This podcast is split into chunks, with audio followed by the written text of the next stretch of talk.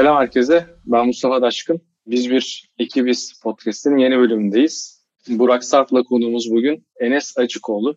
Bayağıdır uzun süredir bu podcast'i yapmayı bekliyorduk. Araya Kasım girdi. Enes'in işleri oldu, bizim işlerimiz oldu. Ötelik ötelik en sonunda bugüne başarılı bir şekilde gerçekleştiriyoruz. Hoş geldin Enes. Nasılsın? Hoş bulduk. Teşekkürler. İyiyim. Sizler nasılsınız? Bizler deyiz. Selam Burak. Senden ne var ne Selam. Biz deyiz Enes. Hoş geldin. Enes'e hemen ilk sorumuzla başlayalım. Enes kendini biraz bize tanır mısın? Background'ın nedir? Selamlar. Öncelikle harika bir çarşamba günü. Bugün o sevdiğim ve Karadeniz esprisiyle başlamak istiyorum. Uy o nasıl haftadır öyle be uşak. Ne diyorsun kaptan? Bugün çarşambadır. Haftanın ortası ama sanki sonu gibi böyle çok yoğun geçen bir gün. Enes Açıkoğlu öncelikle Trabzonlu ve Trabzonsporluyum. E, yaklaşık 8 yıllık bir deneyimim var sektörde. İstanbul Üniversitesi Bilgisayar Mühendisliği mezunuyum. E, aslında okurken de böyle son sınıf hatta ikinci sınıftan beri çalışıyordum. Sektörde bir şeyler kovalıyordum. İstanbul'da olmanın avantajını hep kullanmaya çalıştım. E, farklı yerlerde çalıştım. E, telekom dünyasıyla başladım. Sonra danışmanlık, ara Türk Hava Yolları, e, Amadeus, kaç farklı firmada çalıştıktan sonra en son Trendyol'a geldim. E, yaklaşık da Trendyol'da dördüncü yılıma doğru ilerliyorum.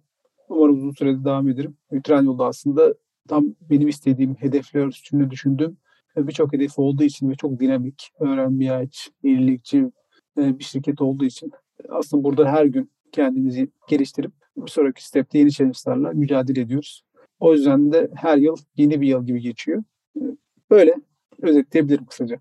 Tekrar hoş geldin Enes. Zaten öyle bir giriş yaptın ki podcast'in sonunda türkü söylerim olayına döndü zaten olay. Bir Karadeniz türküsü bekliyoruz senden. Peki Trendyol'da çalıştığın domaini biraz özetler misin? Ne yapıyorsun Trendyol'da? Tabii. Şu anda bulunduğum domain Product Information Management'te geçiyor. Aslında dışarıda bir sellerlerin olduğu bir dünya var.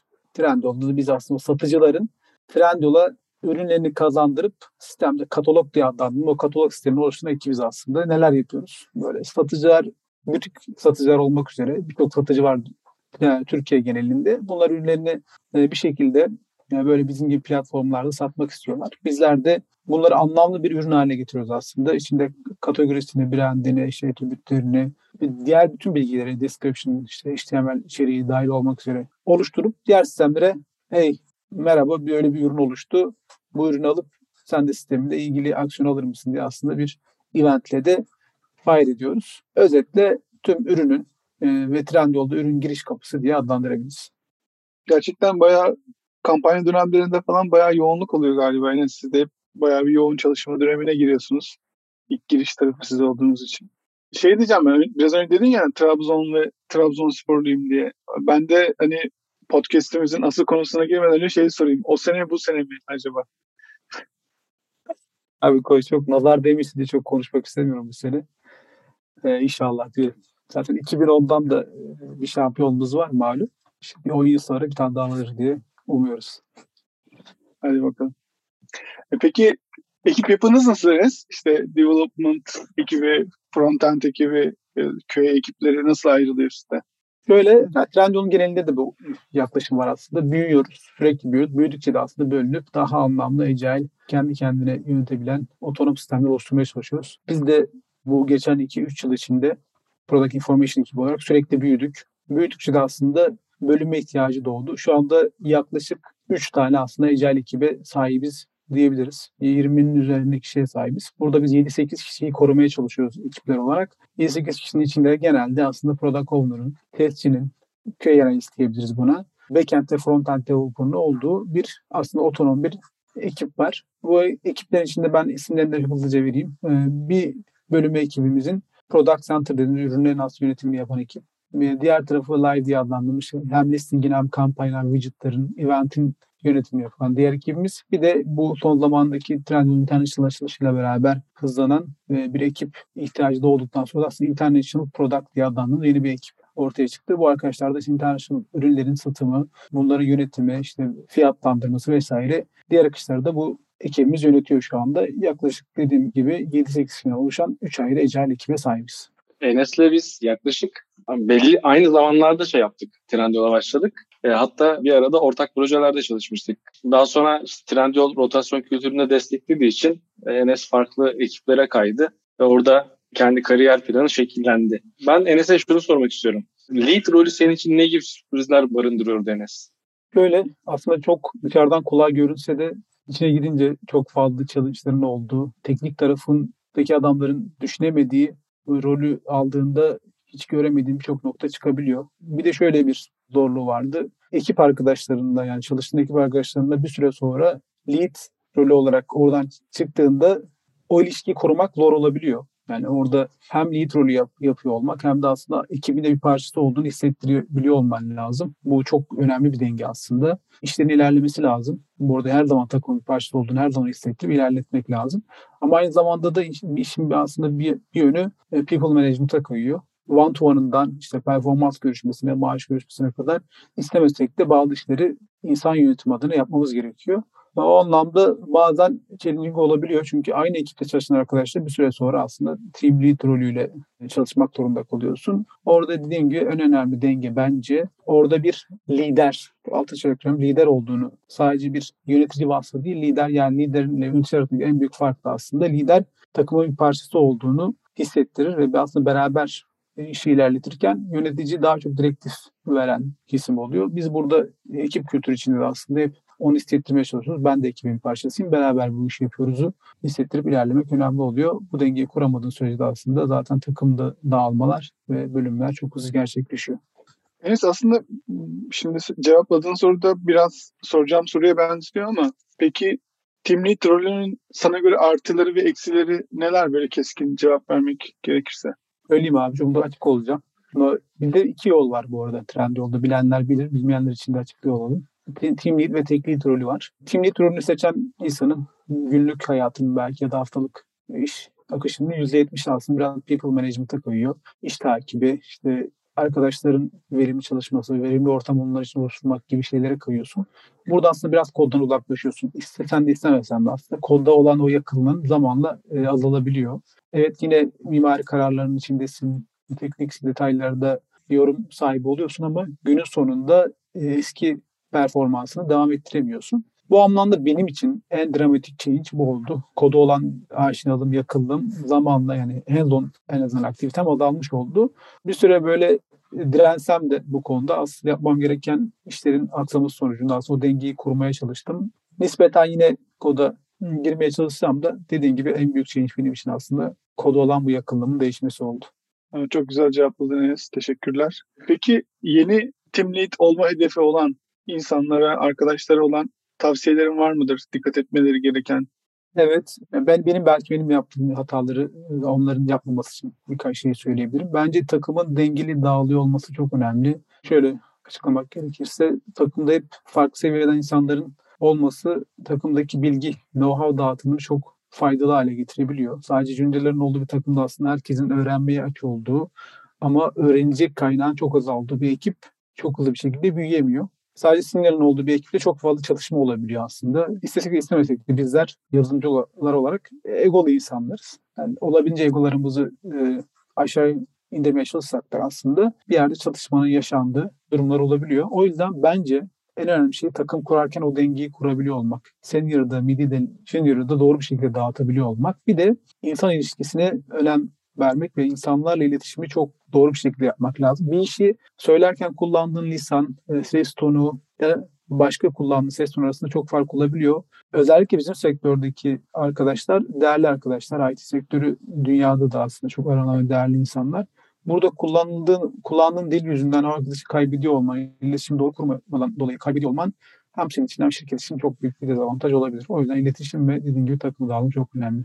Enes şey soracağım bu macerada ulan sıvadık dediğin yer oldu mu hiç? Abi çok oldu. Var mı bir örnek anlatabilir misin? Tabii ki. Bu özellikle ilk platform süreçlerinden biraz önceydi. Bu da hep şeyden kaynaklanıyor. Bazı gerçek, bazı gerçekler acı gerçekler gerçekten. Yani öğrenilmiş şeyleri tekrardan öğreniyor oluyoruz ama yine yap, yine aynı hatayı yapıyoruz. Yani mesela test neden yazılır? Test yazmayalım, geçelim dediğiniz her arkamda bıraktığımız bütün backloglar bize gün sonunda böyle büyük instanlar olarak dövmüştür. Yani bir seferinde yanlış hatırlamıyorsam şeydi kampanya zamanıydı. İşte ürünlerle ilgili bir küçük bir bug fix vardı işte ürünün statüsüyle ilgili. Bir arkadaşım da şey yaptı. Hemen ben bunu fixlerim dedi. İşte orada şey yaptım. Tam kampanya zamanı bu arada. Ürünlerin canlıya çıktığı dönemdeyiz. E, orada statü kodunu test etmeden 404 olarak dönmüş. Meğersem o 404 aslında şey demek. Ön yüzde de bu ürünü siteden kaldır demek anlamına geliyor. Bu sebepten dolayı 400 bine yakın ki o zaman bizim ürün kataloğumuz belki 700 bin 1 milyon aralığında bir şeydir. 400 bine yakın ürünü siteden bir anda kaldırmıştı kampanyada. yani sağ olsunlar Trendyol da bu anlamda hatayı çok tolerans sağlayan ekipleri çünkü hatayla öğrendiğimizi biliyoruz. Çok bizi üzmediler ama gerçekten bakılınca event zamanı en yapılacak şeyi yapmıştık. Muhtemelen baklava olarak dövmüştür zaten Trendyol teknoloji ekibine. Aynen abi. Pembe masada. Peki, Peki böyle zor zamanlar yaşadığın zaman ne yapıyorsun? Neye başvuruyorsun? Nasıl böyle bir çıkış yolu buluyorsun? Şeyi çok seviyorum. Bu arada acayip fazladır yani yaşadığım zor zamanlar. Böyle özellikle eski ofiste hatırlarım. İşte Elastic'inde elimde bilgisayarla böyle arkaya koşardım. Arkada işte infra ekibi bizim bilirsiniz yani ofis bilenler bilir. Birinin başına oturup böyle abi işte ne oldu deyip deep dive inip network'ünden işte diskine kadar Elastic'in internal'ına inip doküman okumaya kadar Orada en sevdiğim şey Trendyol'un en en en beğendiğim özelliği bir ekipte bir sorun oluyorsa diğer ekipteki herkes her, herkes kendi sorunuymuş gibi o soruna yaklaşıp çözüm araması çok benim en beğendiğim özelliklerden biri. Bir şey oluyordu mesela biz çözmeye çalışıyoruz. Başka, başka ekipten bir arkadaş geliyor. Başka ekipten bir arkadaş geliyor. O hemen aktarıyor. Oturuyoruz böyle küçük bir e, masa kuruyoruz. Yuvarlak masa kuruyoruz. Ama renk sorumluluklar başlıyor. Nedenleri konuşuyoruz şimdi. Ne olabilir? Disk mi? Hemen diske bakalım. Hemen kontrol deneyler başlıyor. Hemen network'e bakalım. Diğer ekipten başka bir arkadaş, Aa, biz böyle bir şey yaşamıştık. Şunu, şunu üstünü deneyin diyorlar. Oradan böyle sürekli bir bilgi aktarım şey vesaire derken sorunu böyle benim sorunum ya da senin sorunun ya da sen yaptın ben yaptım değil de ekibin şirketin sorunuymuş gibi bakıp çözmeye çalışıyoruz. Çok tatlı, çok iyi öğrendiğimiz zaman dilimleri oluyor. O yüzden böyle büyük sorunlarda çok da tatlı öğrenmeler çıkabiliyor. Üzmeden kimseyi kalp kırmadan güzel bir şekilde çözmüşüz ve bunun çok örneği vardır. Böyle devam edeyim. Peki developer bakış açısıyla bir rolünde Enes'in bakış açısında ne gibi değişiklikler var? Evet güzel soru bence. En canlı sorulardan biri bu. Ee, önceden şeydi biraz böyle e, high overview bakımıyorduk galiba olaylara. Ee, önceden problemi çözmek ana odağımızdı ama o problem çözümünün benim dışında diğer ekiplere etkisi ya da Trendyol'un geneline etkisi nedir diye düşünmeden hareket edebiliyorduk. Bir de şöyle bir bakış açısı olabiliyor bazen. Yani sadece kendi domaininde bir sorun olduğunda bu domaindeki sorunu çözeyim. Evet, diğer domain suçludur. İşte diğer domainde hata vardır. Yaklaşımı ister istemez olabiliyor. Ben yaptım, benden kaynaklı değil diye bakabiliyorsun develop olunca ama biraz da lead olunca artık şirketin geneline bakman gerekiyor. Ee, sadece senin domain değil, diğer domainlerin de e, sorunlarına aynı gözle bakmak gerekiyor. O yüzden biraz daha sanki büyük resmi görebiliyorsun e, team lead rolüne geçtiğinde. O yüzden şirketin sorunlarına genel e, olarak bakıp ekipte de bu sorunları biz domain olarak nasıl çözeriz diye indirgeyebiliyorsun. Enes aslında çalışırken liderler olarak liderlerin zamanının çoğu problem çözmekle geçiyor. Ekibe destek olma, onların işte zorlandığı yerlerde onların e, yolunu açacak şeyler yapma. Biliyorsun son zamanlarda bir de Covid var. Son zaman değil mi? Gerçi iki yıl oldu da hemen hemen. O süreçlerde ekiplerini de çok büyütmen gerekmiştir muhtemelen. Bu süreçlerde zorluklarla karşılaştın mı ve bu zorlukları nasıl baş ediyorsun zorluklarla? Ekibin %70'inden fazlasını Covid zamanı ve sonrası belki ekibe dahil olmuştur. En büyük sorunumuz e, tabii direkt yüz iletişim kuramıyor olmak oluyor. Onu da e, yani şirketimizin teşviğiyle hem de bizlerin de organizasyonlarıyla aslında bir buluşma düzenleyip orada halletmeye çalışıyoruz. Sezon üzerinden ne kadar online görüşsek mesela geçen şey, e, şey olmuştu. Bayağı bir uzun süre sonra ekibe katılanla buluştuğumuzda Zoom'dan arkadaşı mesela 1.60-1.70 diye varsayıyorsun. Gidiyorsun ofise adam 1.95'lik e, bir boya sahipmiş. Acayip bir şaşırabiliyorsun. Yani o yüzden yüz iletişim konusunda çok zorlanıyorduk. Bunu da işte daha dün yaptık hatta. Böyle iki buluşmaları yapıyoruz. Yemektir işte o gün aktivitelerdir. Şehir dışından da arkadaşlarımız geliyor. Buluşuyoruz, konuşuyoruz, muhabbet, sohbet. Bu şekilde açmaya çalışıyoruz. Ama en zor şey dediğim gibi online görüşüp yüz yüze görüşmüyor olmak. Peki zaman yönetimi konusunu nasıl çözüyorsun Enes? Genelde hep konuştuğumuz leadlerde şey vardı. Normal developer'dan lead rolüne geçince zamanı ayarlayamıyorum. Developer'da yapmak istiyorum. Toplantılar da var. İşte mimari kararlarda ekiple bulunmam lazım gibi böyle zamanı ayarlayamadıklarıyla ilgili şikayet demeyeyim de yakınmalar duyuyorduk Sende hiç böyle bir şey olmadı mı?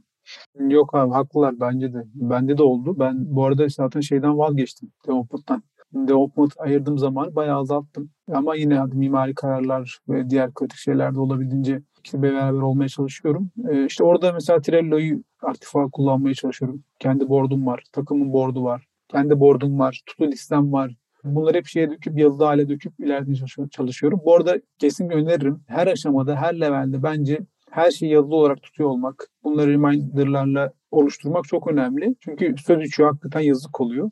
Bazı şeyleri konuşuyoruz mesela takım içinde böyle küçük bir call açıp ya da thread açıp konuşuluyor. Ama o küçük thread içinde konuşulan şeyi bir şekilde toplantıda da bu geçerli. Sonuca bağlamayıp bir yere yazmayıp sonrasında kullanacak şekilde oluşturmayınca o unutulup gidiyor. Benim en dediğim gibi yani büyük yardımcı bu to listelerim, Trello'm oldu. Ama ben de zaman getiremediğim için aslında development site'ına biraz development'tan uzaklaşmış oldum. Açık konuşmak gerekirse. Ağzına sağlık Enes. Güzel sohbet yaptık. Sohbetin başına dönelim. Trabzon konusu, Karadenizlik konusu. Var mı Burak Enes'le başka paylaşmak istediğin Karadenizlik muhabbet? Ya valla bilmiyorum ama Trendyol'da da Karadenizler ağırlıkta gibi geliyor bana. Belki Enes açıklık getirir ona. Ben çok öyle muhabbetler görüyorum ama. Abi Karadenizler çok konuşuyor o yüzden ağırlıklı gibi geliyor bence. Şimdi şeyi ben anlayamadım çok mesela. Trabzonlu var bir de Rizeli var yani. Karadeniz'i de kendi içinde şey yapıyor. Fanatikleşiyor. Oradaki fark nedir Enes? Biraz belki ondan bahsetmek istersin. Yani buradan e, sevgili Rizeli Yusuf abimize, DBA'lerin master'ına selam söylüyorum. Şöyle yani bir kan davası olmasa da aramızda küme düşürülme şeyi var, davası var.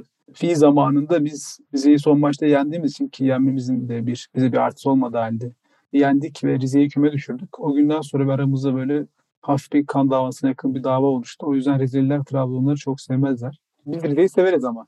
Yeşilliğiyle, suyuyla. Karadeniz'in tamamını severiz. Ama öyle bir durum var ama özetle. O zaman burada şey de Yusuf'a da söz hakkı düşüyor. Bir gün Yusuf'u da konu kalmamız lazım Burak. Yusuf'a kesin anmamız lazım zaten. Ya buradan selam gönderelim Yusuf'a. O zaman bir de yarışma başlatalım. En güzel Karadeniz türküsü kim söyleyecek? Trabzonlar mı Rizeliler mi? Enes o zaman bir Trabzonlu temsil edecek. Bir türküyü patlatsın. Bu kadar çok türkümüz var ki hangisini seçeyim diye düşünüyorum.